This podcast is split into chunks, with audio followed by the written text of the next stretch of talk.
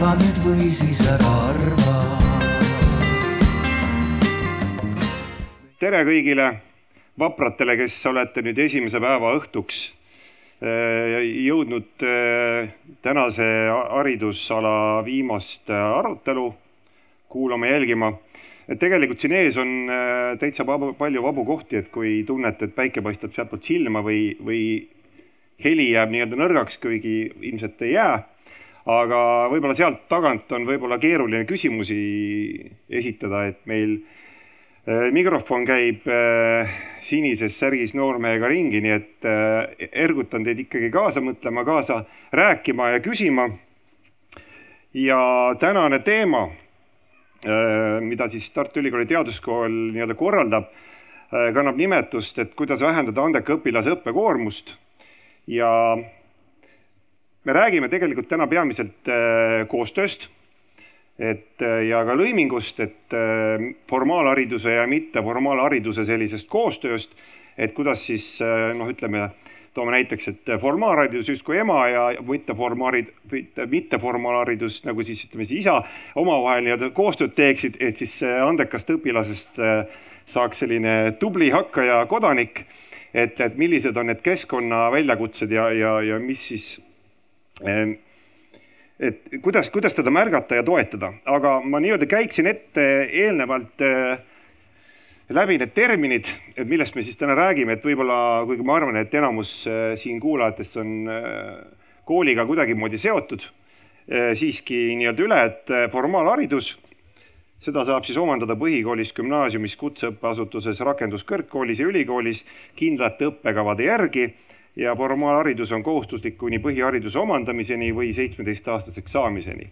Äh, seevastu siis äh, mitteformaalhariduse all mõistame organiseeritud õppetegevust, mis toimub kindlate õppeprogrammide alusel kindlate huvirühmadele äh, mitteformaalne õppimine võib toimuda siis nii haridusasutuses kui ka väljaspool seda ning selle plussiks on mitmekülgsus ehk see pakub õpet kõigile, olenemata vanusest, soost ja majanduslikust olukorrast ja mõnel juhul siis mitteformaalset haridust arvestavad ka formaalharidust pakkuvad õppeasutused.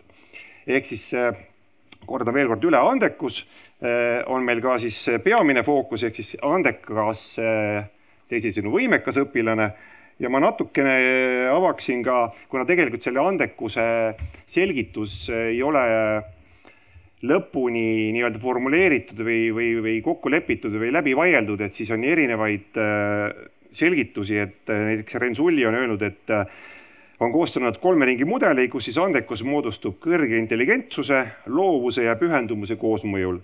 seevastu Kanye käsitleb andekust kui arenguprotsessi, mida mõjutavad näiteks isikuomadused, sotsiaaldemograafilised tegurid, samas ka juhus ja Viiresepp on öelnud, et andekus on individuaalne potentsiaal saavutada silmapaistvat edu ühel või siis mitmel alal. samas eh, hariduspoliitikas on andekust seni mõistetud eelkõige haridusliku erivajadusena, mis väljendub kõrgetes võimetes, tänu millele on õppijal eeldus näidata silmapaistvaid saavutusi. ja enne kui me läheme panelistide tutvustamise juurde, siis veel üks äh, täiendus, et äh, sünnipärased eeldused on andekuse avaldumise ja väljaarendamise alus, kuid nagu erinevate teadlaste tööd on näidanud, mängivad suurt rolli äh, ka muud tegurid, näiteks keskkond ja paljuski sõltub meetmete rakendumine õpetajatest ja tema oskustest ja teadmistest, ehk siis kokkuvõttes õpetaja nii formaalhariduses nii-öelda siis tavaline õpetaja kui ka siis äh, huvihariduse õpetaja tegelikult on isegi võtmeisik, lisaks muidugi lapsevanemale. aga need on need äh, mõttekohad, kuhuni me siis täna jõuame ja ma nüüd hea meelega tutvustan meie paneliste. Anna Valdman on Tartu Ülikooli Teaduskooli direktor, siis on äh, Küllike Kullerkupp, Tallinna Tehnikaülikooli Virumaa kolledži teadus- ja tehnikakooli juhataja. Terje Hallik, Miina Härma gümnaasiumi õppejuht Riin Tamm, HTM-i noorte ja andepoliitika osakonna juhataja ja Rasmus Kits, Eesti Teadus- ja Huvihariduse Liidu juhatuse liige. nii, tere teile. et äh, lähme siis asja kohale, asja juurde ja, ja sisuliseks. et äh, kuna ma alguses ütlesin, me räägime paljuski koostööst, siis me jaga, jagaks nagu tänase sellise arutelu nagu kahte suuremasse plokki ja prooviks nagu mitte lihtsalt niisama nagu heietada, et, et vaid prooviks ka nagu, et igaüks saate mingisuguse kasuliku uue teadmise või siis sellise kasuliku mõtte, et mis teile on abiks näiteks, kui teie klassis või kodus on sirgumas noor andekas. ja need teemad oleks märkamine ja toetamine ehk siis kuidas märgata ja kuidas siis toetada. et ma alustaks äh, märkamise teemast kohe äh, formaalõppest ehk siis terje. et kuidas, kuidas äh, koolikeskkonnas Miinarva gümnaasiumis andekas õpilane silma jääb, et kuidas, kuidas see toimub, kas õpetajad märkavad ja tulevad sinu jutule, vot mul on klassis vot selline väga tore ja võimekas õpilane või käib see teistpidi jah, noh, enne, tere kõigile, et enne kui ma sinu küsimusele vastan, et siis ma tegelikult kõigepealt juba ütleksin seda, et on üldse hästi oluline, et me sellest räägime, millest me siin täna räägime. et äh, mul on hästi hea meel, et viimastel aastatel ongi hakatud sellest rohkem rääkima. et noh, et seesama noorte ja andepoliitika osakond on loodud ministeeriumisse ja andekate tegevuskava on väljatöötamisel noh, täna on siin see üritus, järgmisel nädalal näiteks MTÜ Talendikeskus teeb Pärnus kahepäevast äh, seminari. Pärnu õpetajate inspiratsioonipäev, ka üks töötuba on sellele teemale keskendunud. et äh, kui, kui me nagu rohkem räägiksime sellest, miks see andekate teema on oluline, et võib-olla siis see aitaks ka seda teemat paremini müüa. selles mõttes, et, et miks ta on oluline. et ma olen kuskil äh, kuulnud sellist ütlust, et, et need kakskümmend protsenti võimekaid inimesi on need, kes äh, loovad tulevikus äh, kaheksakümmend protsenti ühiskondlikust rikkusest. et ma ei tea, kas see vastab tõele, et see on lihtsalt selline ütlus aga võib-olla olekski hea, kui me nagu põhjendaksime seda, et miks, noh, miks see andekatega töö nii tähtis on, miks ta on kasulik meile kõigile lõpuks, et sellest tuleb tõesti meie võib-olla majanduskasv ja lõpuks tuleb meie rahvuskultuuri areng ja kõikide nende nõrgemate ühiskonnaliikmete aitamine, et see tulebki sellest, et kui, kui meil on, on neid võimekaid inimesi, kes ühiskonna jaoks panustavad. et, et et võib-olla ka selles samas andekate tegevuskavas, et võib-olla oleks seal ka koht nagu sellele, et näiteks seletada, et noh, miks see üldse nii tähtis on, et, et see ei ole võib-olla kõigile arusaadav. aga noh, kui me nagu märkamisest räägime, siis noh, minu kool, kus mina töötan, ei ole võib-olla kõige, kõige nagu parem see näide, sellepärast et eh, Miina Härma gümnaasium on ju selline kool kellel on õigus juba esimesse klassi lapsi äh, valida. et noh, et meie jaoks see märkamine toimub juba seal. et me teeme ju selliseid noh, nii-öelda siis teste, eks ole. et, äh, et esimene märkamine toimub seal, aga noh, pärast äh, jah, nagu ikka, et on erinevaid juhtumeid meil, et loomulikult klassijuhatajad, aineõpetajad on need, kes märkavad. lapsevanemad on need, kes märkavad. mida on küll vähe et lapsevanem märkab. et on väga üksikud juhtumid, kus äh, lapsevanem on tulnud äh, ise siis selle jutuga, et tema laps kuidagi vajaks nagu noh, mingit suuremat stimulatsiooni, on ju. aga, ja no loomulikult, mida ette heidetakse ju tegelikult üldhariduskoolile, on see, et hästi palju toimub see märkamine nii-öelda tagantjärele saavutuste põhiselt. et kui lapsed kuskil seal kuuendas klassis hakkavad olümpiaadidel käima, et noh, et siis me nagu äh, kuidagi märkame neid, aga ega mitteformaalhariduses on see samamoodi ju, ega teie ka ei, te märkate ka ju ikkagi tulemuste pealt, on ju. et noh, nii, nii ta paraku on ja muidugi õpetajad saadavad olümpiaadidele ja selge, aga rohkem on ta ikkagi saavutuste järgi. hästi vähe on minu meelest koolis eh, üldiselt eh, testimist. Mhm. et seda võiks palju rohkem olla, et võib-olla me sellest ka siin, ma ei tea, jõuame rääkida, et sa mainisid siin sedasama Rein Sulli mm, -hmm. et tema neid skaalasid ma ei tea, kui paljud õpetajad on kokku puutunud äh, ja katsetanud siis äh, seda andekuse määramist, et kunagi ma tean jah, et teaduskooli lehel olid need üleval, aga nüüd need enam seal ei ole. et aga ma ei ole kindel, et tegelikult õpetajad reaalselt nagu kasutasid neid. et, et ma, ma pean tunnistama, et minul endal ei oleks olnud sellist võib-olla enesekindlust nagu katsetada. ja kui ma ka püüdsin enda õpetajatele nendest skaaladest rääkida, siis äh, kuna ma ei suutnud ise nagu ette näidata, et siis noh, siis ei, ei ole ka seda järgijat tegelikult lõpuks. et seal oleks kindlasti vaja koolitusi Äh, mida me oleme teinud, me oleme testinud äh, Tallinna Ülikooli mõtlemise ja, ja mälu äh, testidega, noh, need on need koolipsühholoogide hindamisvahendite komplekti abil, et oleme teinud ka laustestimist. aga noh, iseasi on nüüd see, et kas kas me oleme osanud väga peale hakata nende tulemustega midagi äh, tarka? ehk siis, kui lapsevanem, noh, lapsevanema jaoks on iga laps andekas, noh, aga kui ta tuleb juba selle jutuga nagu kooli, et, et vaadake, et ta, ta saab nagu matemaatikas või, või reaalteadustes või loodusteadustes või noh, noh, mõnes teises sellises aines väga häid tulemusi, näiteks olümpiaadidelt. et, et siis te olete juba ise märganud seda, eks ju, et siis on juba nagu lapsevanema nagu selline märkamine on juba nagu justkui selline nagu noh, juba hiljaks jäänud või või oh, tegelikult ma tahtsin äh, olümpiaadide äh,, pikk päev on olnud mõte läks kokku, et olümpiaadide juurde tulla Terje jutu juurest, et, äh, et teaduskooli seisukohast, et kuidas teaduskool märkab, et me näeme paljuski neid numbreid, tulemusi ja paljud nimed korduvad, eks ju. jah, aga ma ikkagi ei alustaks sealt, kui lubate. ma olen kakskümmend viis aastat olnud koolis õpetaja ja õpetanud bioloogiat ja minu jaoks on hästi, ma ei saa öelda, et ähm, me märkame andekat siis, kui ta on käinud olümpiaadil. et minu kui õpetaja jaoks on ikkagi märkamine see, et mul peab olema kõigepealt see õpilane, keda ma sinna olümpiaadile saadan. et see on see esmane märkamine ja kuidas ma teda märkan, see on väga erinev et kõige parem on võib-olla sellised loovad ülesanded, et ähm, minul on millegipärast selline arvamus või see, et, et loovus on üks väga oluline osa andekusest.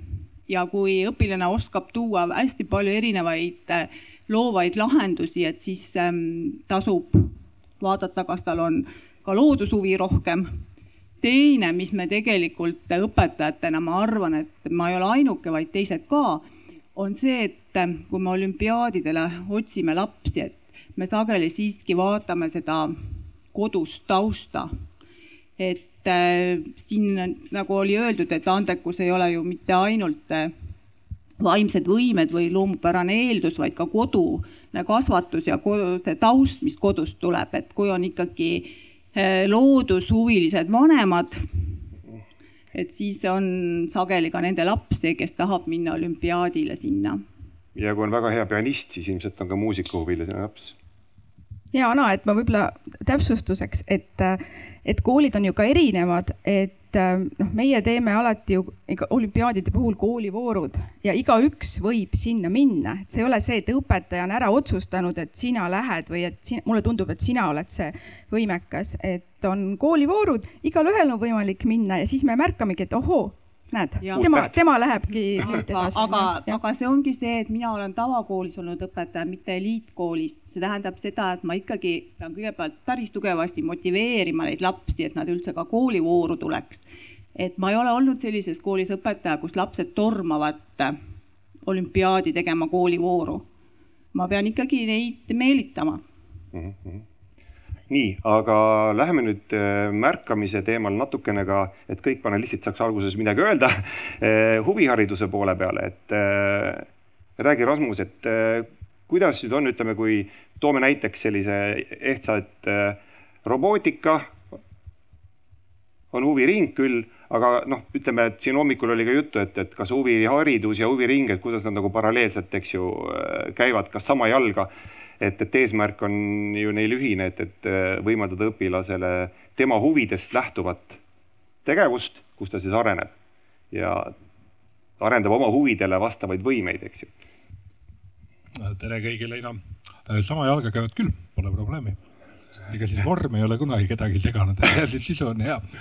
aga, aga eks äh, tehnoloogia valdkonna huviharidusel on ka omad murekohad ja ja seal on nagu see trenditeadlikkus on nagu väga selline kõva juht e,. nagu selline juht, võib-olla liider, et, et no robootika, ilmselgelt kõik ju käivad robootikas, mis mõttes, eks ole. et, et see minu laps peab ka minema robootikasse, noh, selle fakti me jätame vahel nagu tähelepanuta, et, et võib-olla pool sellest robootika huviringi tunnist mu laps on hoopis jalgupidi laua all ja teeb hoopis mingit muud asja ehk siis, et see on ka nagu selline murekoht, et, et trend kipub natukene seda äh, nagu suunatud sellist võltstalendikust juhtima, et, et see on selline ohukoht aga kui nagu keskenduda sellele lapsele, kes juba sinna jõudnud on, siis nendega on tegelikult ju väga lihtne, sest nemad on juba sinna jõudnud, nendega on väga mõnus ja mugav tegeleda.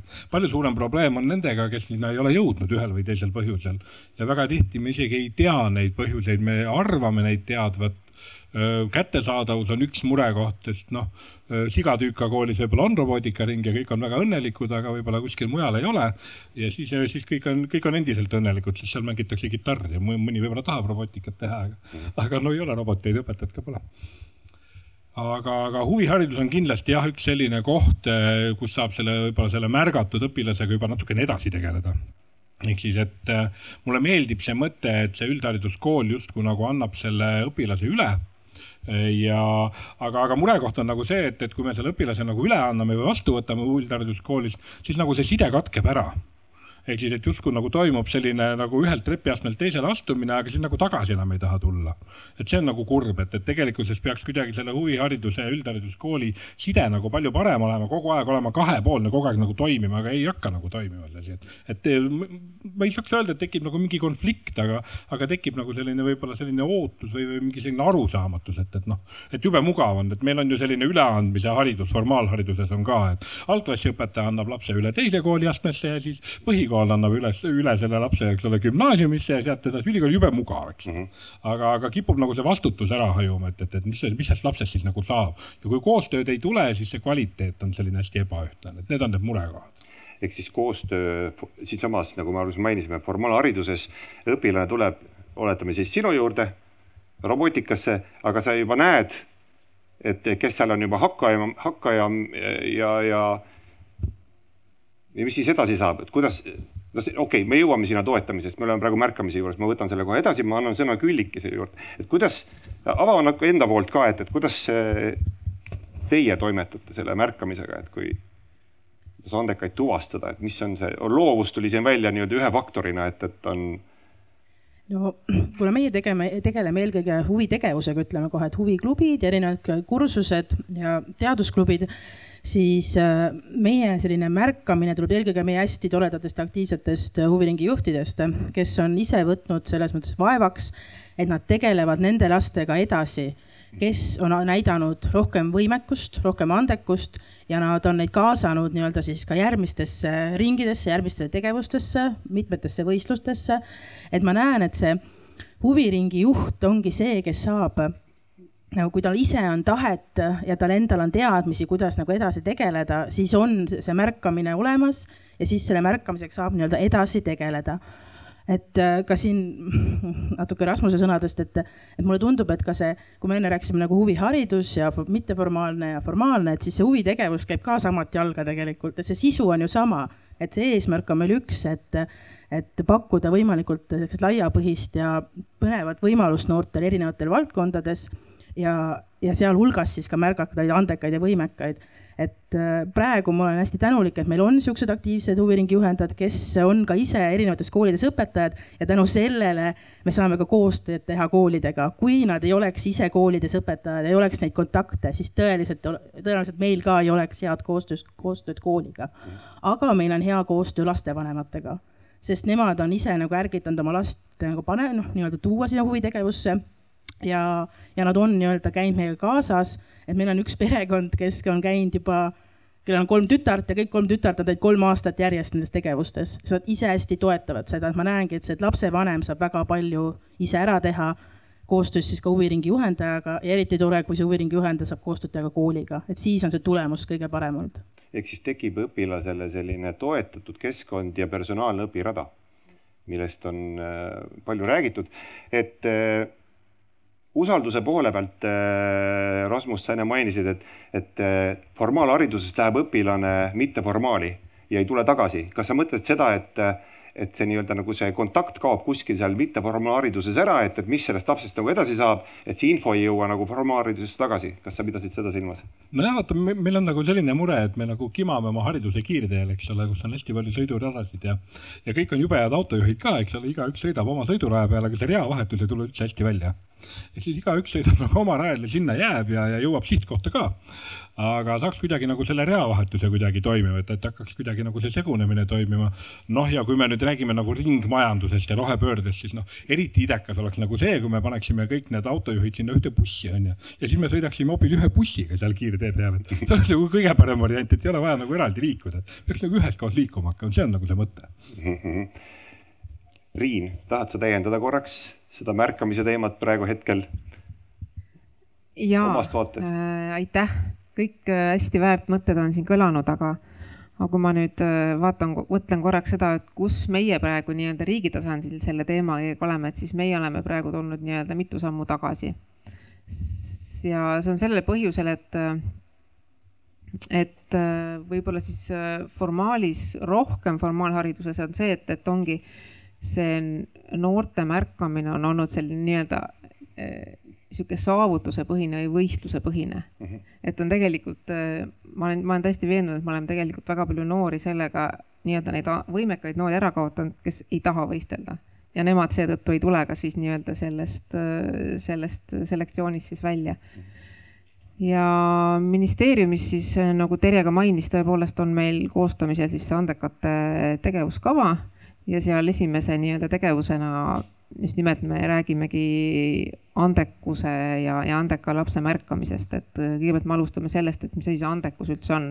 et me oleme tulnud nii-öelda väga sellele rohujuure tasandile tagasi ja hakkame alles nii-öelda seda mingil määral nii-öelda mingeid aluseid sellele looma, et kellest me üldse räägime, kui me räägime andekusest või räägime äh, nii-öelda siis andekast lapsest Mhm. ja siis sinna juurde nii-öelda järgmine tase on see märkamine, et, et, et kes märkab, kuidas märkab ja, ja, ja, ja, ja jah, see taustsüsteem sinna juurde. et võib-olla äh, koolitunnis äkki õpetaja, noh, kui nüüd me räägime märkajatest, et meil on selline äh, kes need märkajad on, et äh, lähedalseisjad isikud, eks ju, lapsevanem, õpetaja, huviharidusõpetaja, et, et et kui lapsevanem näeb sellist süvendatud huvi, et, et, et see võib olla ka niimoodi, et ta näeb, et, et talle meeldivad näiteks mis ka meil siin omavahel arutelus eel, enne seda arutelu, kui me läbi arutasime seda teemat põhjalikumalt, et, et, et ühe tunnusena näiteks on andekale õpilasele meeldib, meeldivad probleemülesanded. eks ju, et mitte selline lihtne tuupimine, vaid et talle meeldibki nagu mingist probleemist nagu välja rabeleda või midagi nagu eh,, ühesõnaga midagi nagu luua ja, ja me jõuame selle loovuse juurde. et kui ma nagu uurisin, et millal see siin Kati Ausi käest, kes on siis Tallinna Tehnikaülikooli hariduspsühholoogia didaktika spetsialist ja õpetajahariduse teadur, lihtsalt eh, seda mõtet, et, eh, et eh, millal see märkamise sihuke kriitiline iga võiks olla, et, et kui siin arvates, et esimene kooliaste võib-olla on see, et kui tulevad välja, siis tegelikult ei saa nagu pika puuga öelda, et, et see andekuse nii-öelda siis avaldumine võib tulla täiesti, täiesti erineval ajal, ehk siis et see ei ole nagu kategoriaalne tunnus, et äh, kuna andeka täpne määratlemine on üsna poolik, siis on oluline tegelikult rääkida hoopiski selle õpilase potentsiaali mitmekülgsest toetamisest. et äh, me tegelikult selle märkamise taustalt, kas selle koha pealt on nüüd siin keegi tahab kaasa mõelda midagi või öelda, et me liigume edasi nüüd äh, sujuvalt toetamise juurde. ehk siis, et kuidas siis tegelikult seda andekat õpilast nii formaalõppekeskkonnas kui ka siis mitteformaalhariduses nii-öelda toetada, et äkki siis alustame. Jaanus, et äkki ma ikkagi märkamise ja, kohta ühte asja palun. ütleks, et äh, uuringud ja tegelikult õpetajate uuringud, õpetajate küsitlused näitavad seda, et õpetaja jaoks tihtipeale andekas laps on äh, see, kellel on head hinded et hästi tugevalt nagu see korreleerub sellega. pigem ikka see, kes tundi segab. Ei, no ja no küsitlust sealt no, olümpiaadile lähevad ikka viielised. ja, ja, ja tegelikult see ei ole ka äh, vale, et, et meie kunagi tegime ka ju sellise väikese, no nii-öelda väikese teadustöö, et meil oli, kui meil oli see laustestimine, siis üks üks meie noh, enda õpilastest, kes oli tollel hetkel kaheksandas klassis, kes just oli ühe klassi vahele jätnud, siis tema tegi oma loovtöö kus ta siis võrdleski nende testide tulemusi õpilaste hinnetega ja vaatas neid korrelatsioone. ja see korrelatsioon oli väga nagu selge. et, et see ei ole päris vale, et kui õpetaja ütleb, et noh, et viieline laps on on noh, tema silmis see, see andekas, et seal on tegelikult väga kõrge korrelatsioon. lihtsalt noh, nüüd me jõuame sinna, et tänapäeva haridussüsteemis ju hindeid enam ei panda. et, et ma ei tea, kuidas see kõik seda mõjutab, et noh, esimeses kooliastmes ega väga vist ei ole enam koole, kus oleksid äh, nagu numbrilised hinded. et, et noh, läheb ka nagu raskemaks jällegi õpetajatel see, see noh, nii-öelda nende arust see märkamine et noh, see on ka võib-olla üks, üks märkamise viis ja siiamaani olnud tegelikult hinded ja see ei ole ka päris vale mm. -hmm. et äh, tahtsid Ana täiendada? no ma ei tea, mina oma kogemusest ütleks, et minu jaoks on küll, et need õpilased, kes hästi palju küsivad tunnis, iga asja kohta tahavad küsida. et äh, neid õpilasi tasuks nagu lähemalt uurida. Äh, me rääkisime natuke nagu olümpiaadidest, et äh, sa Riin mainisid, et, et tegelikult nagu see võistluskeskkonnas toimub see natukene see selline nagu äh, sõelumine või selline nagu, et, et panevad proovile ennast siis nagu e-, koolivoorust edasi saanud nii-öelda tublimad vabariiklikul, rahvusvahelisel tasandil. ja ega see olümpiaadid selles mõttes, et tõstke käsi, kes publiku hulgast on olümpiaadil osalenud kooli ajal. no näete muideks ma mainin ära, et Eesti olümpiaadid saavad seitsmekümne aastaseks ja oktoobris on tulemas konverents, kakskümmend neli, kakskümmend viis oktoober, teen natuke reklaami. et hoidke nii-öelda silmad lahti. aga, aga et see olümpiaadid tegelikult jah, et, et üks asi on see, et võistlemine, aga selle toetusega räägib see, et, et sellised nagu tõsisemad ainehuvilised saavad ju seal omasugustega kokku, eks ju, küllap te teate et, et ongi hea, et ma nüüd sinuga vaatan, kuidas sul läks või siis, või lihtsalt ongi see, et, et ma olen matemaatikahuviline, et vot eh, temaga ka ja me jälle kohtume. et kui tavakoolikeskkonnas võib-olla on selline igav argipäev, et siis seal on, on mida oodata võib-olla tema jaoks. et eh, selline väike, väike lisamärkus. et aga siis eh, toetamine, et ma vaatan enda olulistest märkmetest ka. et me saime siis kokkuvõttes, et märkajateks on see nii-öelda kolmiktaburet kes ka toetab tegelikult natukene, on siis eh, lapsevanem ehk siis jälgige oma laps äh,, las, lapsi ja õpetaja ja siis mitteformaali ehk siis huvihariduse õpetaja. aga nüüd toetamisest. et siis äh, ideaalis oleks küll see, et, et kui nüüd äh, me jõuaksime nagu sinnamaani, et, et, et, et tekiks ühel hetkel selline juhend, et, et kui mina näiteks, ma olen ise ka õpetaja haridusega, õpetaja kogemusega ja hästi pikalt huvihariduse ehk siis huvijuhina koolis töötanud. et, et kuidas nagu õpetajal oleks selline nagu selline nagu pesumasina juhend nüüd lahti, et ahah, mul on andekas, esimesena ma märkasin, mis ma nüüd edasi teen, et kelle poole ma pöördun, kust ma saan manuaali. et kuidas ma nagu temaga toimetama peaksin, et, et kas sellist, ütleme, kas selline, Riin et äh, ma saan aru, et, et selline kunagine selline dokument või siis juhend ka noortele õpetajatele, et nad julgeks kooli minna. et, et kui on selline tunnisegaja, et siis ma arvan, et kaks varianti, kas ta tõesti ei viitsi või ta tõesti on nii andekas, et ma otsin talle mingeid lisad täiendavad materjale. et kas selline, see, see raamdokument võiks olla ka selline, mis on nagu õpetaja töövahendiks? ja kindlasti ja me kavatseme nii-öelda sellise juhendi koostada, ega see, aga ega see juhend nagu ilma sellise äh, noh, juhend, juhendi pärast ei ole mõtet teha, et seal on vaja nii-öelda väga niimoodi korralikke koolitusi taha, et, et, et see võetakse omaks. ja, ja noh, tegelikult kogu selle andekate teemal, et nendega üldse tegeleda, nende peale rohkem mõelda, et see on olnud selline keeruline teema, sest et, et siit ei tohiks ka jääda muljet nüüd, et me nii-öelda andekatega praegu tegeleme, et või selle ande teemaga nagu eriti, et see kuidagi loome mingisugust sellist sildis, sildistamist või noorte eliiti, et, et see tegelikult peaks ikka jõudma ühel hetkel sinna, et see visioon on, et see tõesti on nii-öelda tõesti tavapärane nagu hariduse osa noorele, et, et me ei räägi eraldi, et me tegime andekaga, vaid tõesti enda õpetajatel või on need siis formaalharidusõpetajad, on need huviharidusõpetajad, et nad tõesti nagu nii-öelda märkamatult märkavad ja siis oskavad nii-öelda neid, neid noori siis äh, oma arengu suunas siis nii õigesti, õigesti suunata.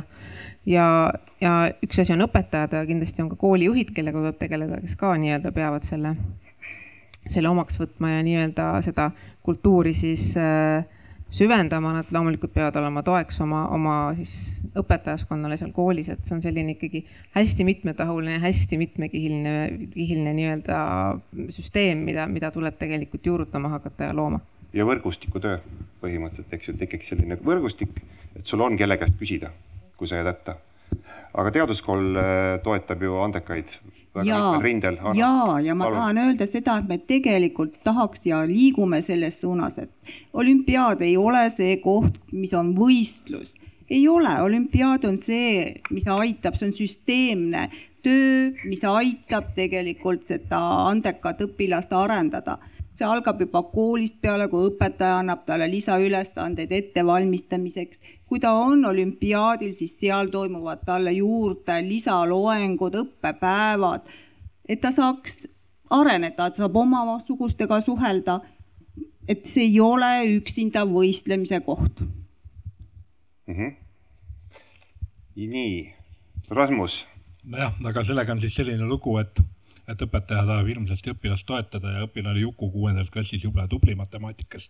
teeb kõik asjad jube ruttu ära ja siis õpetaja on ka väga õnnelik, et oh, milline talent ja annab aga muudkui ülesandeid juurde ja siis see Juku pilk, eks ole, tapab seda õpetajat, sest Juku samal ajal hoopis mõtleb, et tahaks hoopis kooli wifi võrku häkkida või noh, hoopis midagi muud teha ehk siis, et, et see toetamine võib nagu väga keeruliseks osutuda, kui õpetaja ei saa aru, et, et see suund on kuskile mujale.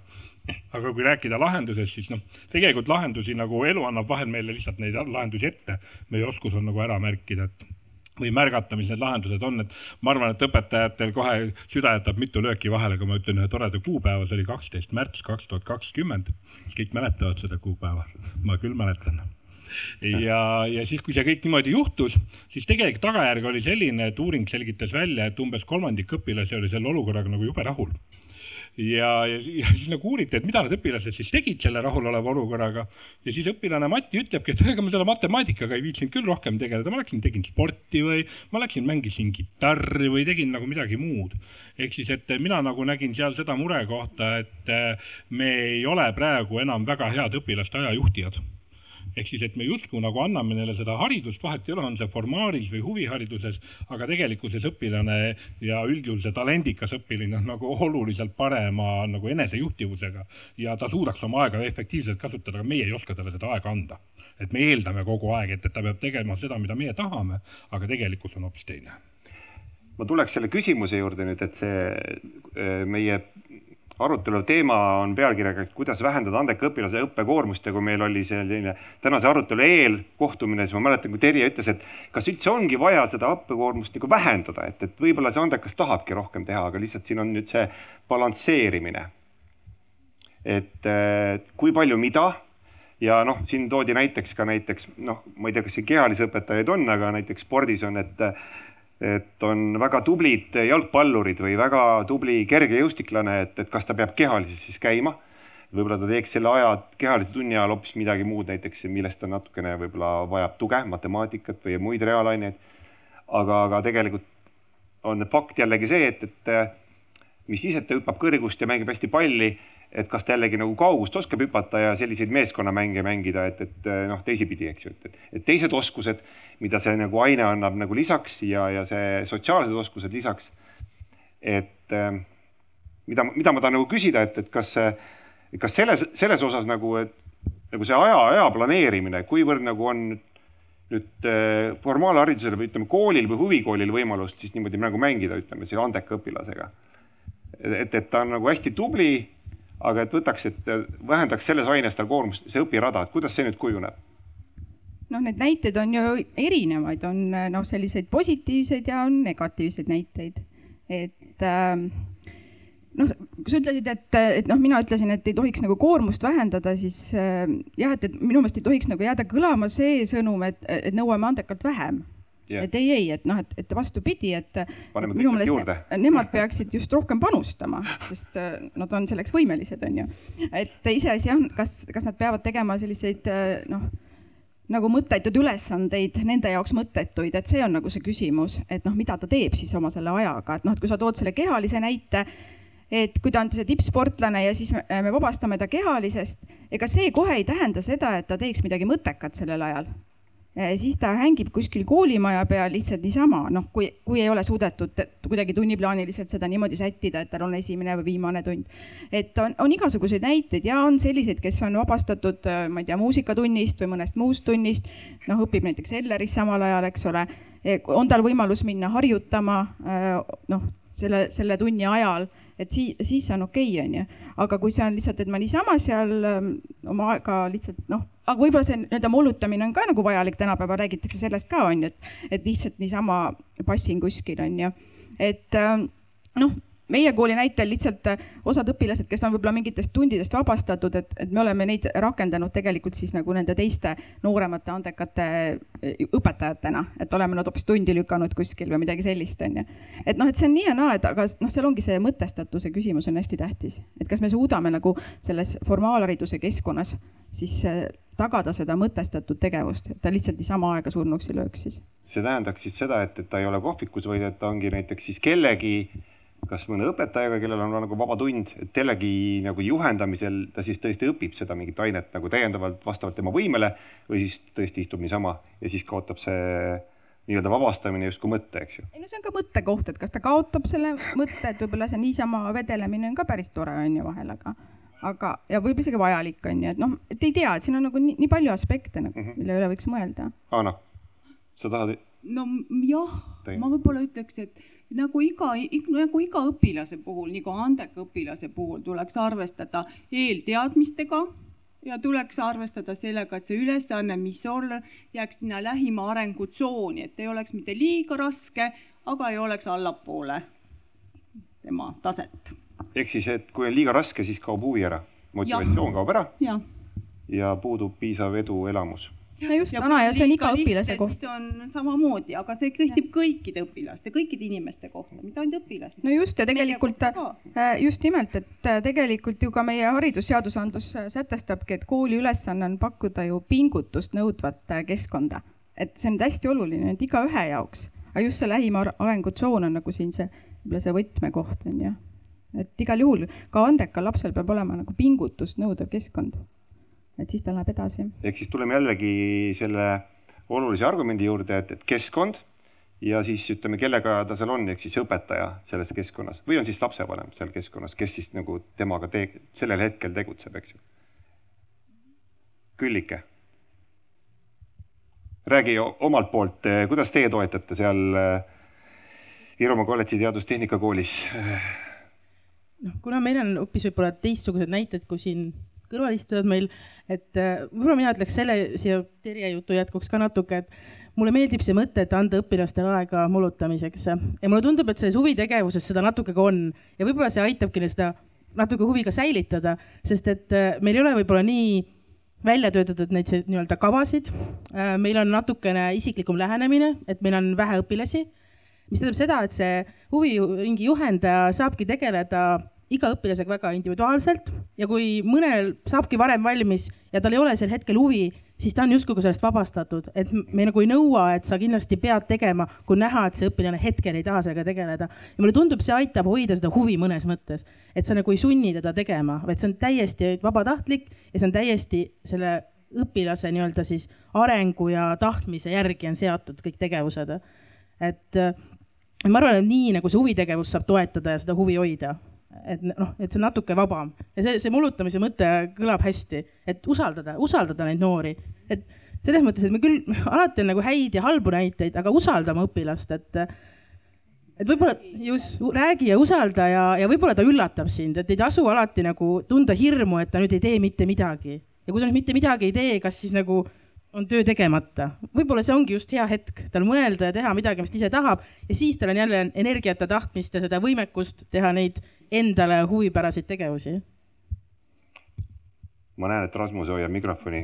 ei no ilmselgelt, ega Sammalhabe ju ütles ka, et looduses peab valitsema tasakaal, eks. just. eks see on ka teaduslikult tõestatud aga noh, tegelikult on ju küsimus ka selles, et, et kui me, kui me seda andekat õpilast nüüd toetada tahame, et, et, et mis sihti või eesmärki me täidame, et mida me sellelt andekalt õpilaselt nagu ootame, et kas me ootame talt nagu mingisugust ühiskondlikku mingisugust nagu tagastust või me tahame lihtsalt nagu õnnelikku ja, ja mitmekesist inimest nagu arendada, et, et see on nagu ka, et, et sellest tulenevalt hakkab kogu see tegevustik ja kogu see kompott nagu kokku minema, et, et, et, et noh, kui see on see esimene variant, eks ole, siis me push imegi seda andekat ja vahel push ime, teeme ta katki ka. Ja siis on nagu veel suurem probleem, et siis me kaotasime selle ressursi. aga kui meie eesmärgiks on, et see inimene oleks lihtsalt selline mõnus ja vaba ja selline tore mitteformaalne õppija, kes saaks ennast nagu igakülgselt täiendada, siis on see teine filosoofia on nagu palju-palju parem, et, et, et siis me nagu anname talle kõik need võimalused, need tööriistad ja siis ta tegelikult ise suudab seal vees nagu, et ise otsustab, et kas ta ujub või, või niisama solberdab seal natuke või äkki omandab hoopis sukeldumisoskuse, läheb jube profiks, eks ole, jube sügavale. ehk siis, et noh, et, et see ongi nagu see, et mida me tahame, et see on ka küsimuse koht. aga ta peab jõudma ikkagi mingisuguse püstitatud eesmärgini, sellepärast et ega huviringil on ju ka õpitulemused, ootused mis on ähm, ju EHIS-es, äh, peavad olema teatavasti, no vist oleneb vist äh, huvikoolist, eks ju, peavad olema registreeritud ja nii-öelda pädevad selles suhtes, et täidavad ja siis me jõuame selle usalduseni. ja ei, ei on muidugi loomulikult, aga keegi ei mõõda neid, sest see ei ole probleem. eesmärgiks ei ole mõõtmine vaid eesmärgiks on protsess nagu, et, et, et toetada seda inimest, et saaks oma huvialaga tegeleda. et eesmärgid on lihtsalt erinevad, formaalhariduses on meil selline lävendipõhine teema, huvihariduses seda ei ole nii, ja nüüd tulles algselt püstitatud teema koostöö juurde ja usaldus. ehk siis, et, ähm, et formaalharidus usaldaks äh, mitteformaalharidust, tuleks natukene nii-öelda lähemale huviharidusele.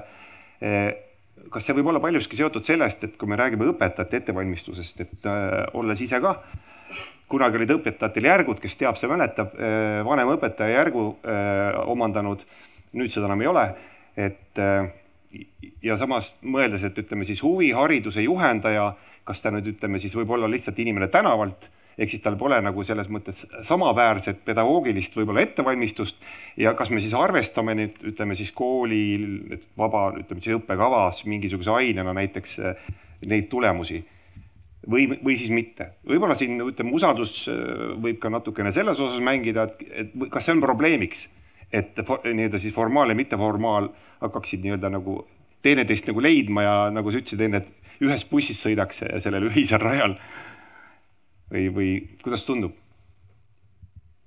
Riinu, äkki ja ma tegelikult äh, juba eelmise jutu põhjal tahtsin sinna jõuda, et kui oli juttu, et kas, äh, kui käib sporditrennis, et kas siis peaks äh, kehalisest vabastama, et, et see ongi tegelikult see mõtestamise küsimus, et mis oskused, oskused ta omandab siis see nii-öelda seal sporditrennis mm. -hmm. et see ei ole see, et ta mängib võib-olla hästi palli, aga samas kõik nagu muu, mis sinna ümber käib, et, et ma arvan, ma arvan, et praegu ongi tegelikult, et, et mis on, ütleme selle selle kahe siis selle haridusliigi võib-olla selline nagu see lõhe ongi see, et tegelikult nagu see arusaamine, et mida see noor sealt ühest või teisest, teiselt poolt nagu saab ja kuidas see nagu siis õpetajad seda enda jaoks nagu mõtestavad, et. Äh, et see ilmselt mingis mõttes on ka usalduse küsimus, just nii, et võib-olla see arusaamine. ja, ja üks oluline teema, mis, mis ka meie osakonna laual on just need, see, et, et mis et oleme esitanud ka väga nagu jõuliselt küsimuse ja sellega tegeleme, et mis on äh, kvaliteetne huviharidus. et kui me lähe, liigume nii-öelda selle lõimuse suunas, et, et millest me siis räägime, et kui tõesti noorel on siis ühel hetkel võimalus oma nii-öelda, äh, oma see õppepäev siis niimoodi koostada, et ta saab tõesti käia siis nii-öelda lõimitult siis äh, selles oma haridussüsteemis õppida, et et tõesti, et, et, et see, mis sealt saab, on nii-öelda kvaliteetne ja, ja teda nii-öelda arendav, et ma arvan, et andekate puhul on see nagu eriti oluline mm. -hmm. et ja, ja me räägime, ütleme siis sellest koormusest, kui, kui nagu ka natukene aja planeerimisest, et, et me teame, et andekas on kindlasti osavam äh, enda aega planeerima, aga, aga et ta nagu üle ei planeeriks. et ta, et ta nagu jõuaks, ütleme mitte nii, et hommikul äh, enne kukke läheb ja või noh, ütleme kukekirjamist läheb ja õhtul siis pimedaga jõuab koju, ehk siis jõuab veel mitmes erinevas huviringis käia, valmistub olümpiaadiks ette. et nagu Rasmus ütles, et, et lihtsalt katki ei tee neid noori. et, et ta võib küll tahta, võib-olla mõni, mõningal juhul ongi see, et õpetaja suunab. ja teisel juhul on see, et ta ise tahab, sest et ta tunneb, et ta saab hakkama, aga ühel hetkel ta võib läbi põleda, et, et ma loodan, et, et, et need ohud noh, muidugi jällegi märkajad on, eks ju, kodu et teisipidi me märkame, et ta on andekas, aga teisipidi noh, tagasiulatuvalt peaks ka siis nagu nägema seda, et kui, kus see ohupiir läheb, eks, et, et juba on kriitiline, et, et ta enam ei jõua. hakkavad mingid hinded langema kuskil koolis või, või ma küsin korraks äkki siin, no täna sõna, Terje käest, et kuidas ütleme, oletame, ma sean praegu hüpoteesi, et, et õpilane näiteks A, ta on nagu väga tublide hinnetega ta osaleb eh, väga edukalt olümpiaadidel, teeb ka sporti, ühel hetkel sa näed, et ütleme, see hinded hakkavad langema, et kas, et kas see nüüd ütleme siis märk sellest, et ta on nagu läbi põlenud, et, nüüd on vaja sekkuda. et, et see on ka nagu ütleme tagasi tulles selle märkamise juurde, et me push ime, push ime, aga ühel hetkel on oh-oh noh, eks ikka on mõni selline näide ka, kus on tegelikult vaja nagu tagasi tõmmata. Ja noh, siis nii ongi Mm -hmm. et äh, ühel aastal on olnud, äh, ma ei tea, viiel olümpiaadil esikolmikus on ju. järgmisel aastal noh, ongi täiesti tagasi tõmmatud ja noh, nii ongi ja meil ei ole olnud kunagi juttu, et noh, et, et et oo oh,, miks sa, miks sa rohkem ei tee, on ju. et äh, ei, ta, tal ongi näiteks vaheaasta, lihtsalt ongi otsustanud või et noh, jällegi elust enesest, et ma ei tea, oled mul on olnud õpilane, kes oli ühel aastal vist kas kaheksas või üheksas aines, jõudis vabariiklikku vooru. ja siis järgmisel aastal ta otsustas, et ta võtab hoopis teistsuguse aasta endale, hakkas õpilasesinduse presidendiks, tegeles hoopis muude asjadega ja nii oli ja minu meelest nagu väga-väga toredad näited on need tegelikult, aga seal oli, õpilased ise on tegelikult olnud ka need reguleerijad mm. -hmm. et ei ole olnud see, et noh, et õpetaja ütleks või et mina ütleks, et kuule, ära rohkem teed, ma näen, et sa oled nagu noh, niimoodi katki võib-olla või väsinud, aga nad on ise, ise öelnud mm -hmm. ja nii on olnud. see on hea. Anna ma tahtsin öelda, et, et see on ju ka üks oluline oskus, mida me nii kodus kui koolis või ükstaspuu noh, õpetame. see on valikute tegemise oskus, et inimene peab oskama valida. tänapäeva maailmas on meil nii palju erinevaid võimalusi, me ei saa neid kõike kasutada ehk siis tuleb valida see, mis on jõukohane, et kõik ei jõua lihtsalt. et äh, ma tahtsin lihtsalt tuua nagu näite selles mõttes, ma ei tea, kui hästi see nagu haakub, aga, aga et kui palju tegelikult õpetaja äh, isegi kui ta nagu noh, ütleme koolikeskkonnas äh, või siis ka huvijuht, kui me räägime mitte siis nagu huvihariduse poole pealt, et võib nii-öelda oma siis nii-öelda käitumisega nagu mõjutada noort äh, elus läbi lööma, sest kui me räägime nagu terviklikult, et me tahame nagu ka see andekas kui ka üleüldse Eesti noored, et nad oleksid nagu, et saaksid hakkama, oleksid nagu ütleme siis sellised täisväärtuslikku elu nautivad kodanikud. et äh, juhtusin viibima, äh, olles siis äh, Viinaru gümnaasiumi huvijuht pikalt olnud, aastaid töötanud, et ühel vilistase üritusel, kus üks vilistajana ütles, et tead, et ma tahtsin sulle aitäh öelda sellepärast, et, et sa mind push isid äh, kogu aeg mingisuguseid aktusi ja mingeid asju teadvustama ja, ja, ja ütlesid, et ah, see ei ole midagi, et küll sa hakkama saad, viskasid nagu vette. ja nüüd nad on nagu selles valdkonnas nagu esinemiskrampideta. ehk siis äh, ka huvihariduses nagu ka huvijuht tegelikult äh, enesele teadvust, teadvustamata ma äh, tahtsin ju lihtsalt äh, ütleme hea diktsiooniga noormeest sinna ette, aga, aga sellise mõju me nagu jätame ja samamoodi ka õpetaja oma keskkonnas, koolikeskkonnas igapäevaselt, et on nagu meeletult suure mõjuga. ma näen, Rasmus tahab täiendada tegelikult on see väga hea näide, ma lugesin just eile ühte toredat uudist, Eesti teadlased uurisid ja selgitasid välja, et kui Eesti õpetaja naeratab siis õpilaste õpi, õpimotivatsioon on oluliselt kõrgem. ehk siis, et äh, siin on võib-olla see mõttekoht, et selleks, et me saaksime toetada andekat õpilast, me peame toetama ka õpetajat. ehk siis, et ja. meie koolis ei ole teemaks mitte ainult õnnelik õpilane, vaid peab olema ka õnnelik õpetaja. ehk siis nendest robotitest ei ole nagu mitte midagi kasu, kui need seal kapis kuskil klaasi taga lukus on, et meil on vaja seda inimest, meil on vaja seda entusiasti, kes kogu aeg sellega tegeleb ja kogu aeg seda süsteemi toetab ja tegutseb. et seda on nagu väga-väga vaja, see on väga oluline jah, Riin tahtsid? Äh, ma tahtsin lihtsalt selle toetussüsteemi kohta öelda küll seda, et, et äh, see on samamoodi üks väga oluline komponent kogu selle meie äh, andekuse tegevuskava juures, et tegelikult pakkuda tuge selle, noh, me ju justkui nagu eeldus on, et kui ta on andekas, siis ja võimekas ja siis ta on nagu kõiges, mida ta teeb, seal, sealhulgas oma selliste sotsiaalsete või selliste psühholoogiliste taustal, et et just see, et, et käib palju, teeb palju, on väga tubli, aga ühel hetkel võib tõesti tulla see, et kus ta ikkagi ei jõua ja ei saa ja, ja tekib see nii-öelda selline tagasilangus, et kuidas sellega hakkama saada, kui talle kogu aeg on räägitud, et sa oled tubli, sa saad kõigega hakkama ja mis mõttes nüüd sa justkui nagu mingil nagu põrusid ja, ja, ja kuidas selle, selle tundega või selle emotsiooniga nagu hakkama saada, et äh, olen seda ka Raketi saates tegelikult näinud just nendelt, kes nii-öelda siis saatest välja kukuvad, et keegi pole neile kunagi öelnud, et äh, tegelikult see nii-öelda selline langushetk või selline madalseis on ka täiesti normaalne, et see ja see on okei okay ja see on elu osa. et see on see, millest, mis kuidagi neid hoitakse või mingil põhjusel sellest nendega ei räägita, aga ma arvan, et see on üks väga oluline samm, mida tuleb teha ja just nimelt, et ei saadeta last nii-öelda viiele, kuuele, kaheksale olümpiaadile, et, et, et neid tuleb tegelikult hoida ja küsida, et kuidas neil päriselt läheb ja kas nad saavad hakkama. või ehk tõesti, noh, head näited, see, et ta tõesti nii-öelda teeb kannapöörde ja, ja leiab oma jaoks nagu teisi neid väljendusvõimalusi, aga, aga pigem mulle tundub, et on ikkagi rohkem neid, neid näiteid, kus tõesti on vaja nagu selle noorega tegeleda, ehk temal see tugisüsteem, nõustamissüsteem olla, et kuidas saada hakkama kui ei ole just kõige paremad päevad.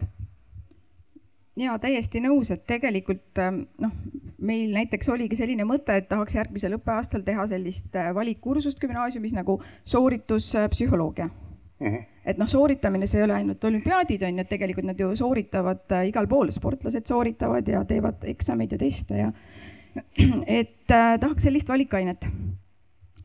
kui nüüd keegi siin on, kes oleks nõus seda õpetama tulema Äh, siis kohe kirjutage mulle, et ma olen seda õpetajat otsinud, peaaegu leidsin, aga siis ikkagi see kooli poolt pakutav äh, noh, see tasu ei ole motiveeriv sellise asja jaoks, et võib-olla neid inimesi isegi oleks, et äh, tahaks sellist kursust, noh, mis toetakski neid, neid noori, kes, kes peavad palju sooritama.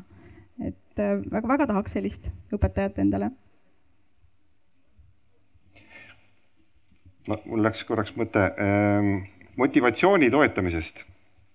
Äh, et, et siin on nagu see, see oht, et eks ju, et kui me ah,, vabandust, äh, rutasin ette, et ma tahtsin just Terje käest küsida, et äh, sa tõid sellise näite, et vaata, et kui õpetajat ei ole, et siis sa oled kasutanud koolis ka sellist võimalust, et ütleme siis vanema klassi andekas õpilane õpetab nagu noorema klassi andekaid. ehk siis kuidas see toimib?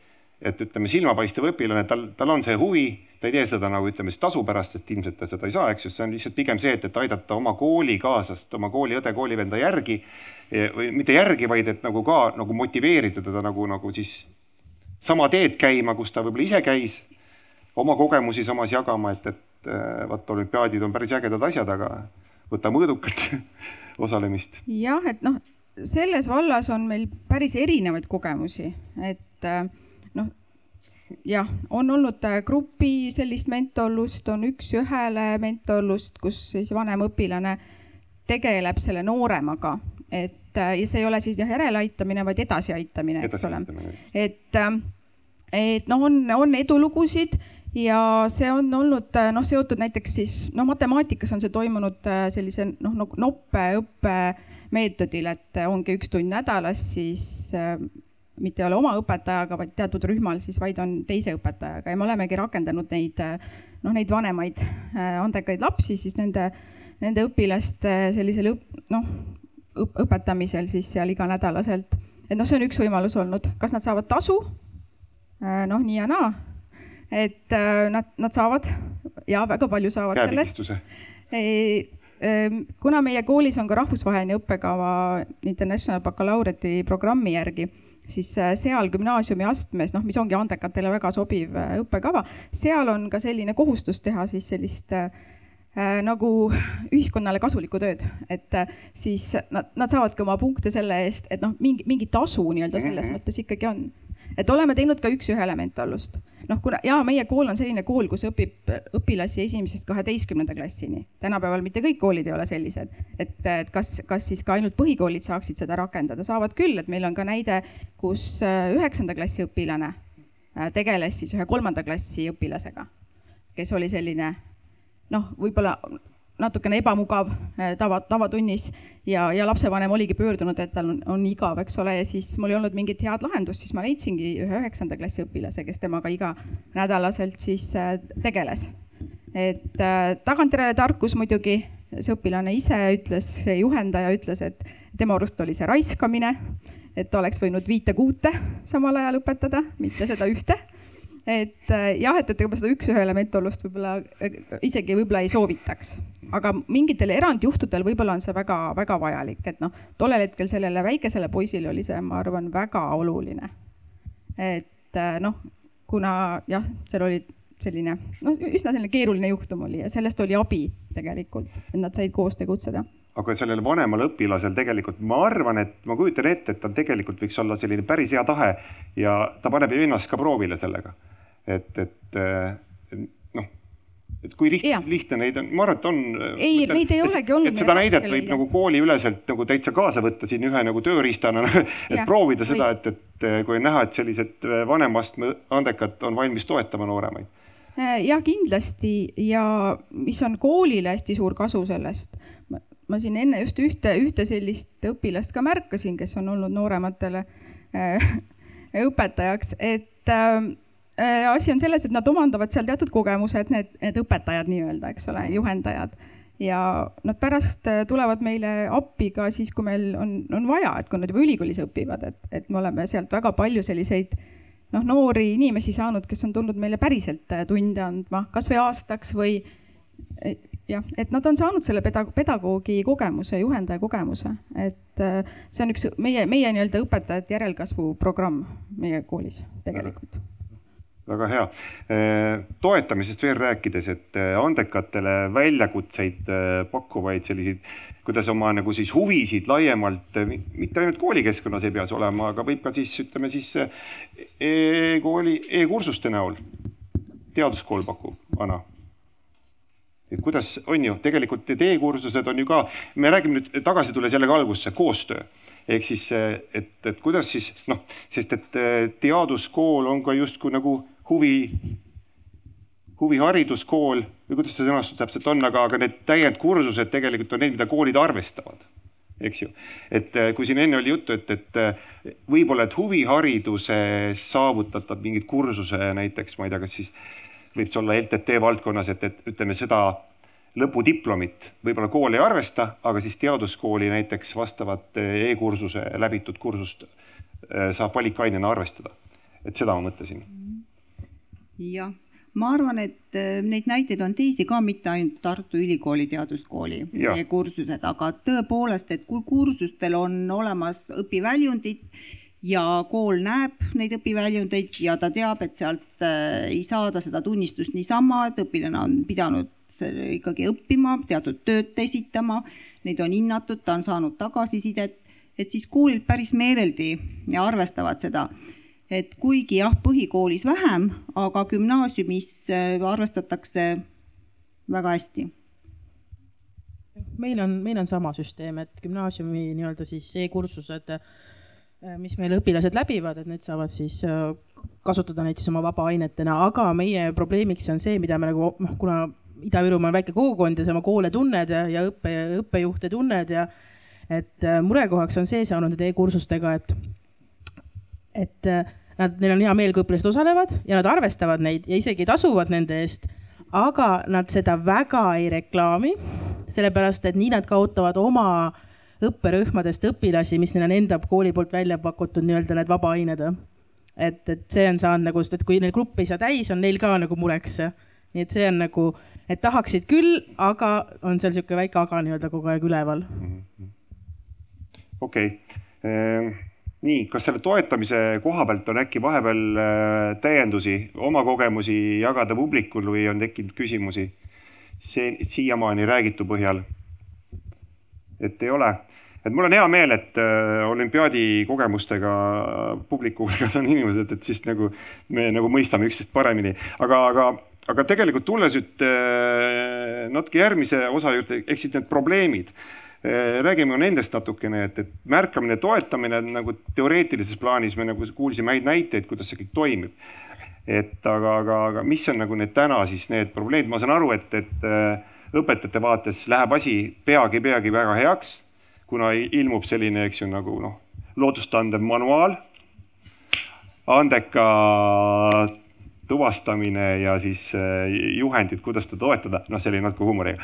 aga tegelikult, et noh, et lihtsalt, et mingisugune abi äh, on sellest, et ma kujutan ette, et probleemideks on koolidel, õpetajatel puudub nagu ikkagi nagu noh, piisav know-how või, või ettevalmistus selleks ja nii ta kipub olema jah, et, et kui me eelmine aasta alustasime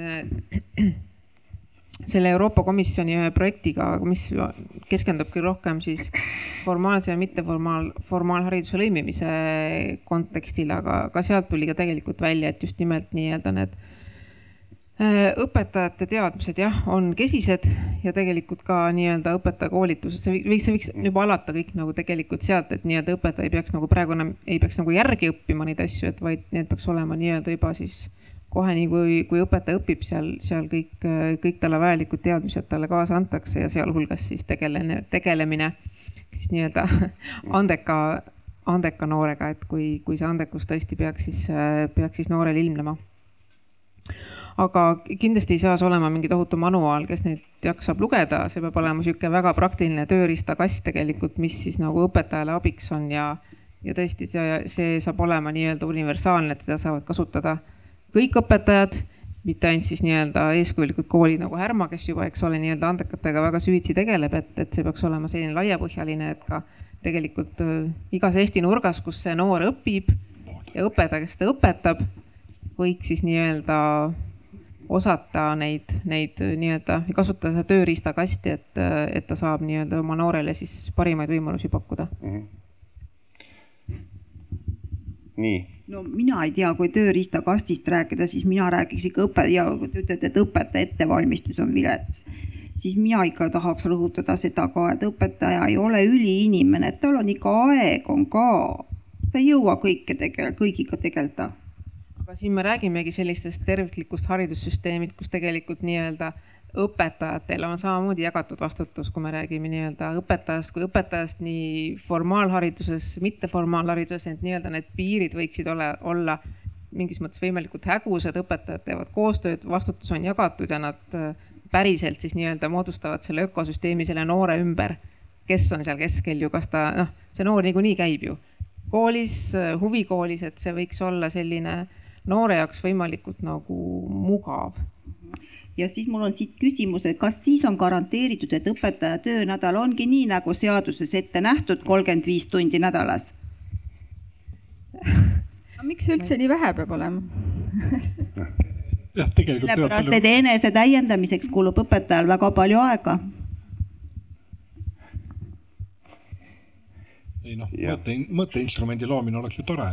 mulle küll meeldiks see variant, et, et noh, ma ei tea, paned käe sisse ja siis öeldakse, et oh, sinust saab klaverimängija, eks ole peaasi, et ei juhtu niimoodi, nagu juhtus selle automaatse habemajandusaparaadi leiutamisega, et, et panid lõua sisse ja siis kuigi nagu küsiti, et, et aga kõigil inimestel on ju erinev näo, näokuju, siis leiutaja ütles selle peale, et noh, esimesel korral küll pärast mitte. nii, aga küsimus? no küsimus või alg-, alustaks kuskilt äh, ammusest ajast, kui jutt oli sellest, et, et kas andek, see, kes olümpiaadil läheb ja kas andekas, et, et see on viieline, ei, paljudel juhtudel mitte ehk siis mul oli kunagi üks õpilane Jüri, eh, kes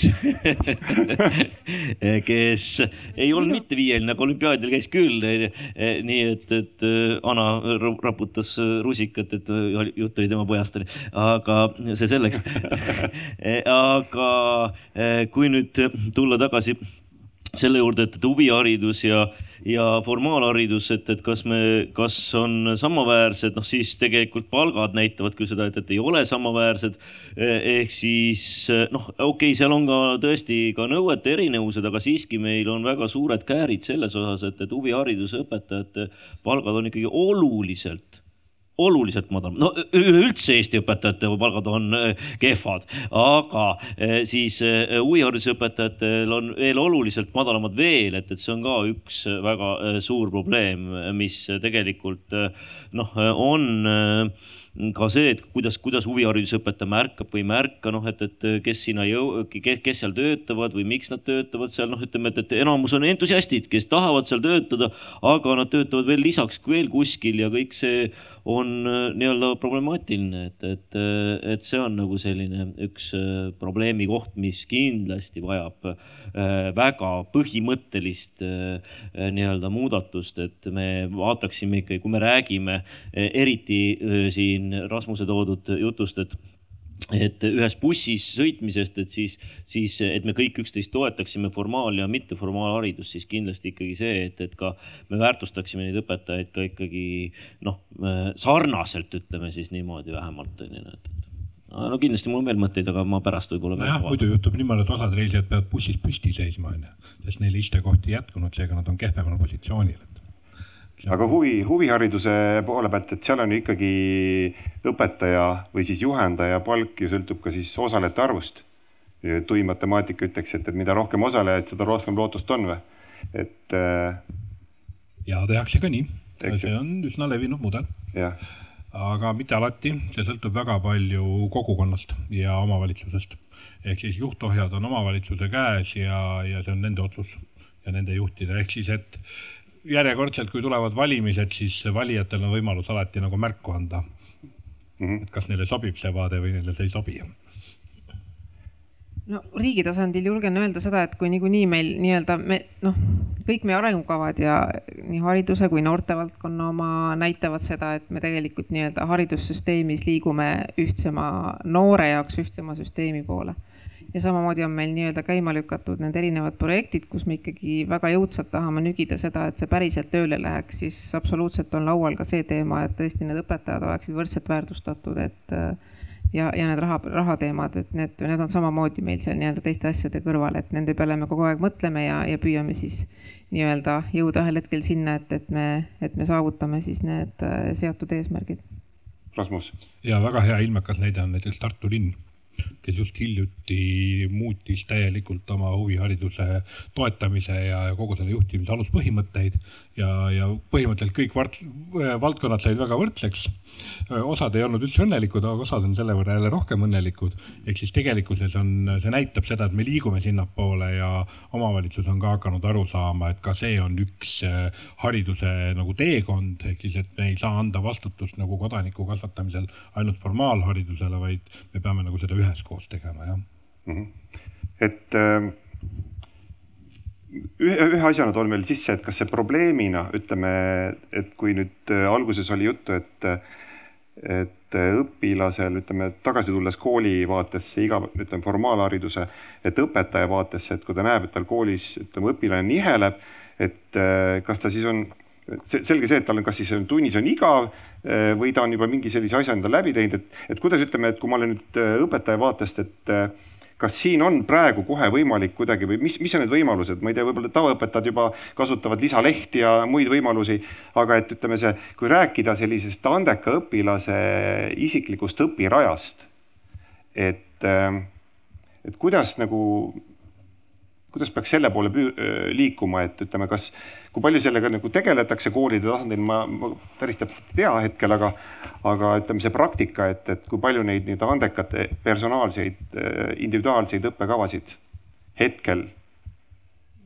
ütleme siis Eesti mõttes on, on loodud, on see nagu sihuke pigem äh, harv või siis nii-öelda nagu alles hakkab nii-öelda tuure koguma või pigem selline, pigem mitte no Eesti mõttes ma ei oska öelda, et äh, kuidas nendega on, et, et noh, meie, meil on igal aastal kolmekümnel, neljakümnel õpilasel umbes. aga noh, kas seda on vähe või seda on palju, mul tegelikult võrdlusmaterjal selles mõttes puudub. Mhm. aga noh, õpetajate, ütleme, võimalused andekaid toetada, et ma olen täiesti nõus, et äh, siin on ikkagi hästi nagu palju asju veel vaja teha või et noh, et, et see et kui nad ülikoolis õpetajaks õpivad, et, et noh, me teame, et tegelikult ka andeka õpilase toetamise kursus ei ole ülikoolis kohustuslik näiteks, eks ole, õppekavas, et need on valikkursused. et, et selline jällegi selline ääreala nagu äh, ka õpetajakoolituses tegelikult ju. ja noh, ressursside puudus niikuinii, et, et noh, praegu ikkagi ju kooli vaates tuleb kõike seda tööd teha ju enda ressurssidest, et noh, mingit lisarahastust tööks andekate lastega koolis ei ole praegusel hetkel olemas. et mõned aastad tagasi see oli, kui andekaid käsitleti ka hariduslike erivajadustega lastena et siis omavalitsus, noh, ilmselt ta sai riigilt on ju selle raha, et siis mingi, mingi raha selle, selle järgi anti koolidele, noh, nii nagu teiste HEV-ide jaoks. aga seda nüüd ka mitu aastat enam ei ole, nii et mhm. noh, jah, ma arvan, seal on väga palju asju ja mina väga tahaks seda, seda, seda manuaali tegelikult ka. Nagu päriselt, mulle väga meeldiks ja ma olen selline manuaalide inimene, minu meelest see aitaks ikka väga-väga palju. Ja, ja teine asi on see testimine et kui me räägime sellest, et, et on halb, et see võistlemine on halb, äh, et meil on, oleks vaja tuvastada ka neid teisi andekaid, kes noh, ei võistle, et siis äh, tegelikult noh, ka seda testimist ja seda teadmist äh, testimise kohta võiks palju rohkem olla. et, ähm, et noh, jah, mõnele võib-olla see ei meeldi, et noh, see on ka mingi lahterdamine ja sildistamine, aga ma arvan, et sealt tuleks ka väga palju väärtuslikku informatsiooni tegelikult välja ka õpetajate jaoks, et nad saaksid seda oma töös arvestada et praegu see on ikka, minu meelest tehakse seda väga vähe, seda testimist.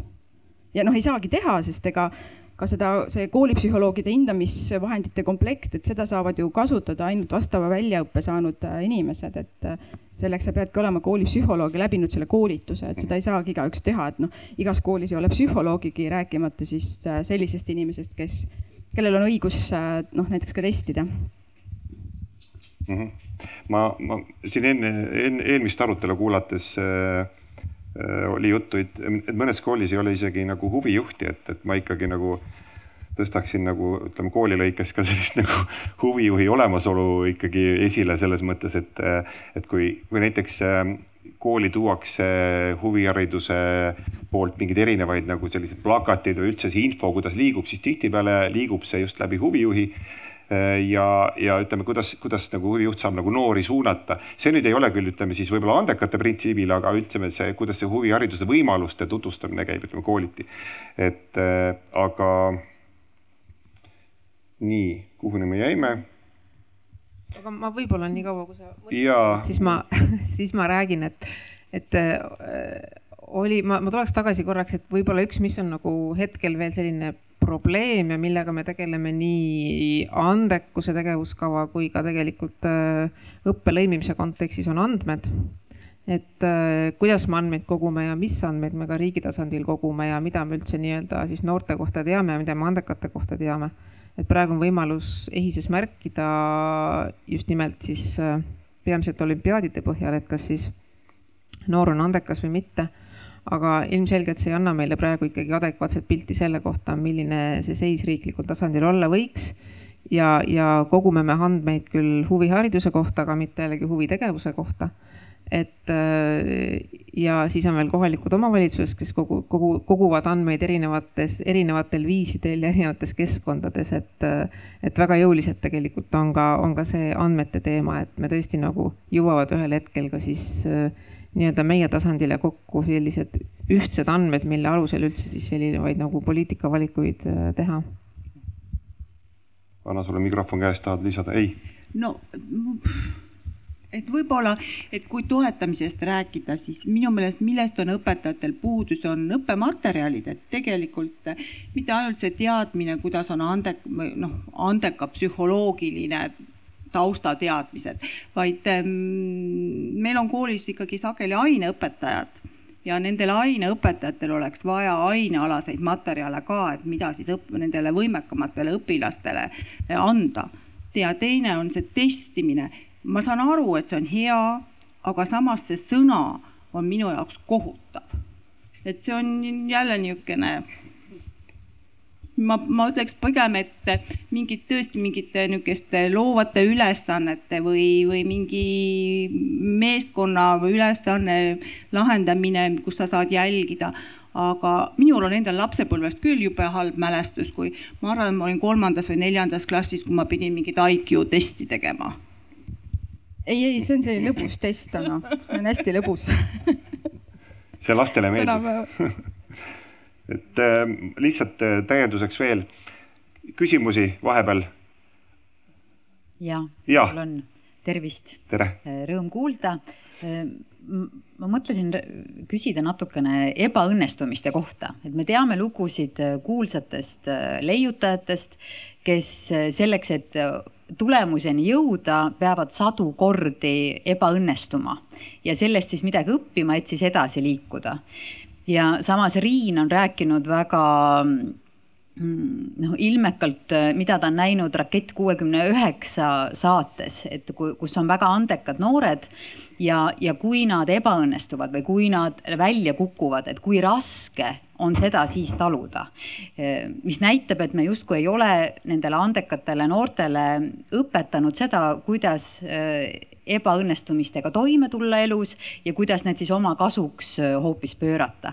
ja minu küsimus on, et kuidas teile tundub, kuidas meie haridussüsteem õpetab noortel inimestel hakkama saada ebaõnnestumistega, kui me tegelikult oma hindamissüsteemis, sellises klassikalises hindamissüsteemis ju pigem karistame ebaõnnestumist, et sa saad kahe või sa saad ühe. et, et see on, see on midagi väga halba, et see ei tähenda seda, et siit on võimalik edasi liikuda. et kuidas teie hindate ebaõnnestumisega hakkama saamise võimalusi, aitäh? et kooli taustast, et kui saad kahe, siis sul on alati võimalik see ära parandada ja ümber teha, kui sul on soovi ja tahtmist.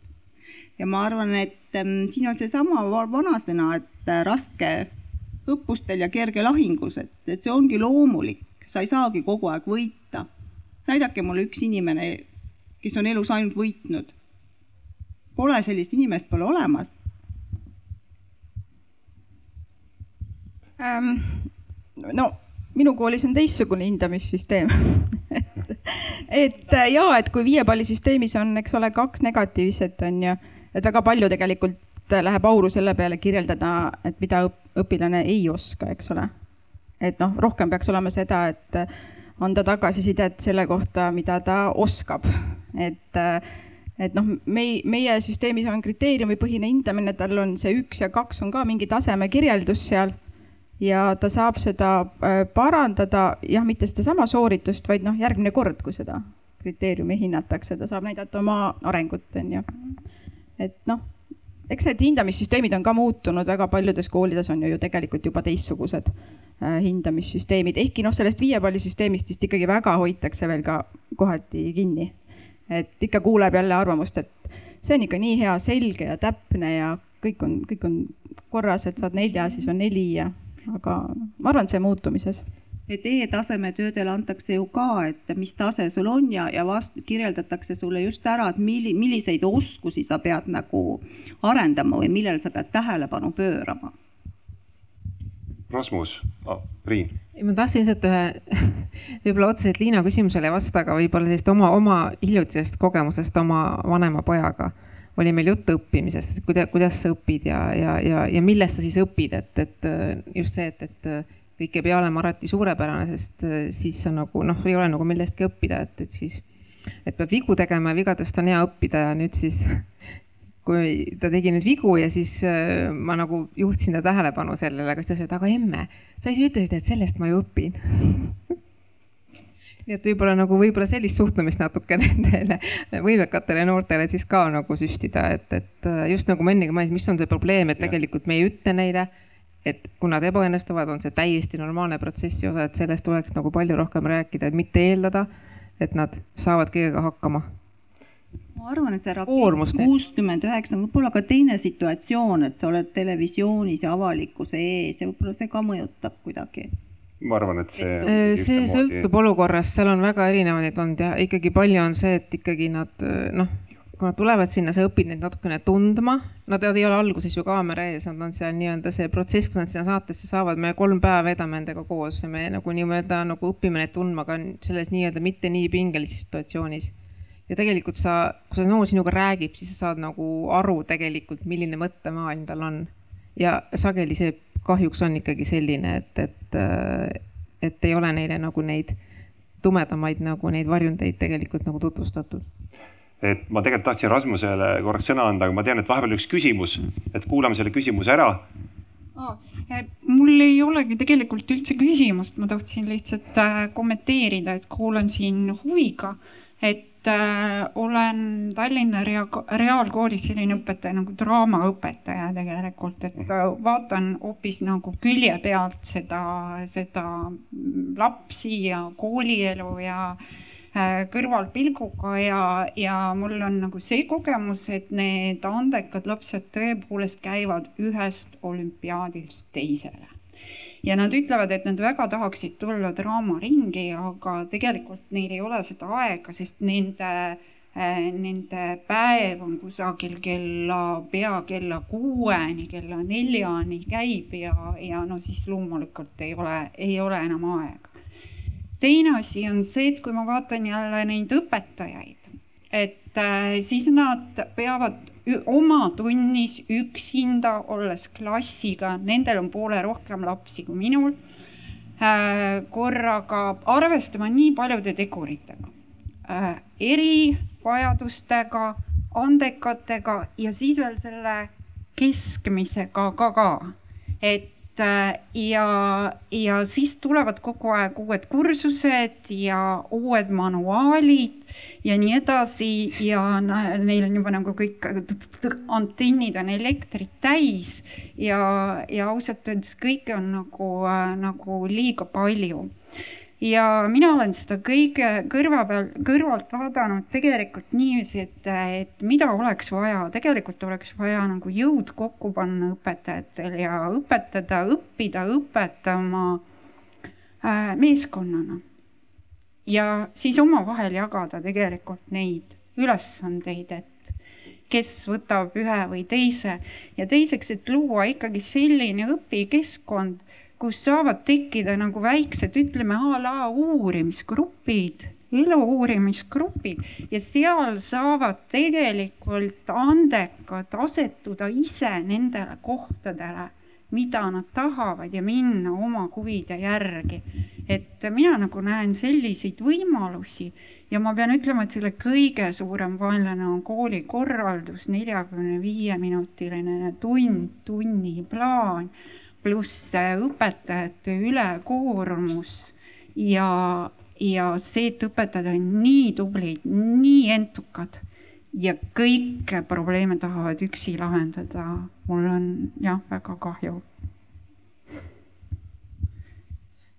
ma lihtsalt taht-, tahtsin, mul tuli enne meelde, et äh, alguses, kui Anna ka rääkis, et tegelikult selle võime, võimekuse või andekuse üks nagu tunnus on ka loovus mm.. et tegelikult see mida ma olen ka näinud ja taaskord raketis, aga mis on ka ilmselt rohkem levinud, on see, et tegelikult hirm ebaõnnestuda tapab selle loovuse ära ja täpselt nii ongi. Ehk siis me jõuame sinna tagasi, et, et äh, anda neile natuke need vabamad käed, äh, lasta neil tegelikult teha, tegeleda ka nende huvidega koolikeskkonnas. ma tean isiklikult ka, et, et äh, väga tublid olümpiaadiõpilased on väga edukalt osalenud draamaetendustes kontserdemaja laval ja nii edasi ehk siis, et, et, et, et nii-öelda üks toetab teist.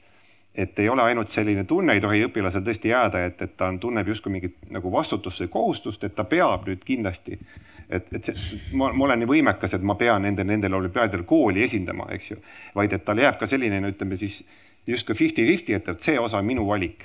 Et, et ma teen nüüd oma, oma valiku järgi, näiteks lähengi draamasse, lähen koorilaulu, sest et see on nagu teine äärmus, mis justkui nagu natukene aitab mõtteid mujale viia ja täiendavad üksteist no ikka vaimse, vaimse tervise pool ja, et noh, tegelikult selliseid tore, hästi toredaid näiteid on noh, piisavalt, kus nagu lastel on nagu need väärtused minu meelest hästi paigas, et noh mm -hmm., hästi tore näide, väga andekas inimene jättis kahel korral linnapea vastuvõtule minemata, noh, olümpiaadide saavutuste eest, eks ole.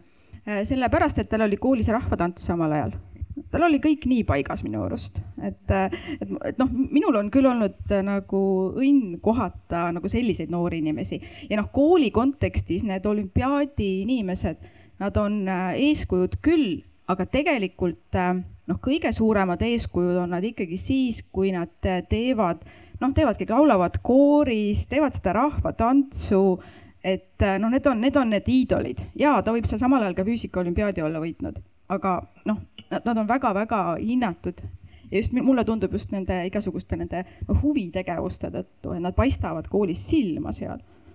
just, just.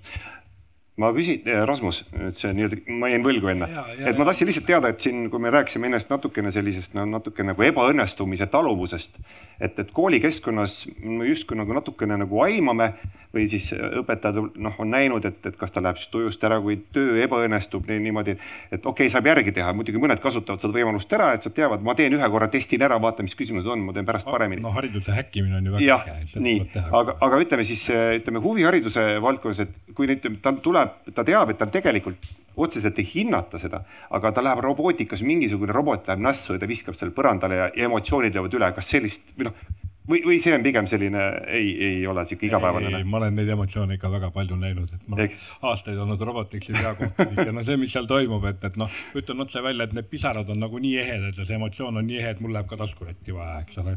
et siis ei ole ainult lapse probleem, vaid minu probleem on ka. aga samas teistpidi ma näen nagu seal nagu õpetajana seda aspekti, kuidas see kogemus on nagu oma sisult nii unikaalne ja nii väärtuslik, et seda ei ole võimalik simuleerida. ehk siis, et, et laps peabki saama just selle kogemuse kogemuse täpselt sealt, et sellest õppida edasi minna. ja siis, ja siis läheb see laps üldhariduskooli ja siis ta saab kahe. ja siis tema reaktsioon on nagu täiesti vastupidine, ütleb, oh, vahet ei ole saigi kaelast ära selle jama, ma ei pea sellega rohkem tegelema, las see kaks olla, mind ei huvita. ta naeratab ja läheb oma eluga edasi. ehk siis, et see näitab seda, kuidas kohati võib nagu see formaalhariduse hindamissüsteem nagu olla juba täiesti devalveerunud ja see ei tööta enam, et, et noh, see ei anna tagasisidet. -hmm. et aga, aga mulle väga meeldis see reaalkooli õpetaja mõte, ta mainis seal, ta rääkis nagu rääkis nagu nendest talentidest ja tippudest, aga ta rääkis ka nagu sellest massist. ja vot see on ka üks selline, selline oluline aspekt, et ma olen ise väga pikalt laulnud äh, erinevatel laulukoorides, alustasin poistekoorist. mul oli üks väga tore dirigent, ma ta nime ei maininud, on väga kuulus ja väga äge vend, minu eeskuju ja, ja ta ükskord me arutasime selle üle siis ta ütles mulle otse välja, et tead, Rasmus, et kui mul on valida, kas ma tegelen selle kooriga, kus mul on nagu ilged talendid, kes on nagu muusikaliselt ülivõimekad ja laulavad noodist ja no nagu fantastiline. või ma võtan endale selle koori, kus on nagu mingi ilged entukad kutid. nooti ei loe ja tulevad kuskilt, ma ei tea kuskohast, aga, aga nagu täiega tahavad laulda. siis ma valin selle viimase variandi, sest nende talent, nende talentidega on keeruline, et selle massiga on nagu seal see entukas on ka väga määraja õpetaja jaoks. Nende, neid on lihtne vormida, sest neil on nii suur tahe. ja, ja, ja nad tahavad jah. jah, Ana. võin või? ja palun. mul oli kogu aeg üks suur probleem. ma otsisin, kas keegi oskab laulda ja nüüd ma leidsin. täna on Riinul sünnipäev. kas sa võtaksid sünnipäevalaulu üles publik võib muidugi kaasa laulda, on kellelgi veel täna sünnipäev siin kuulajatest äkki? Nonii, Nonii, palun. emotsiooniline. palju õnne sulle palju õnne sulle, palju õnne, kallis Riin, palju õnne sulle.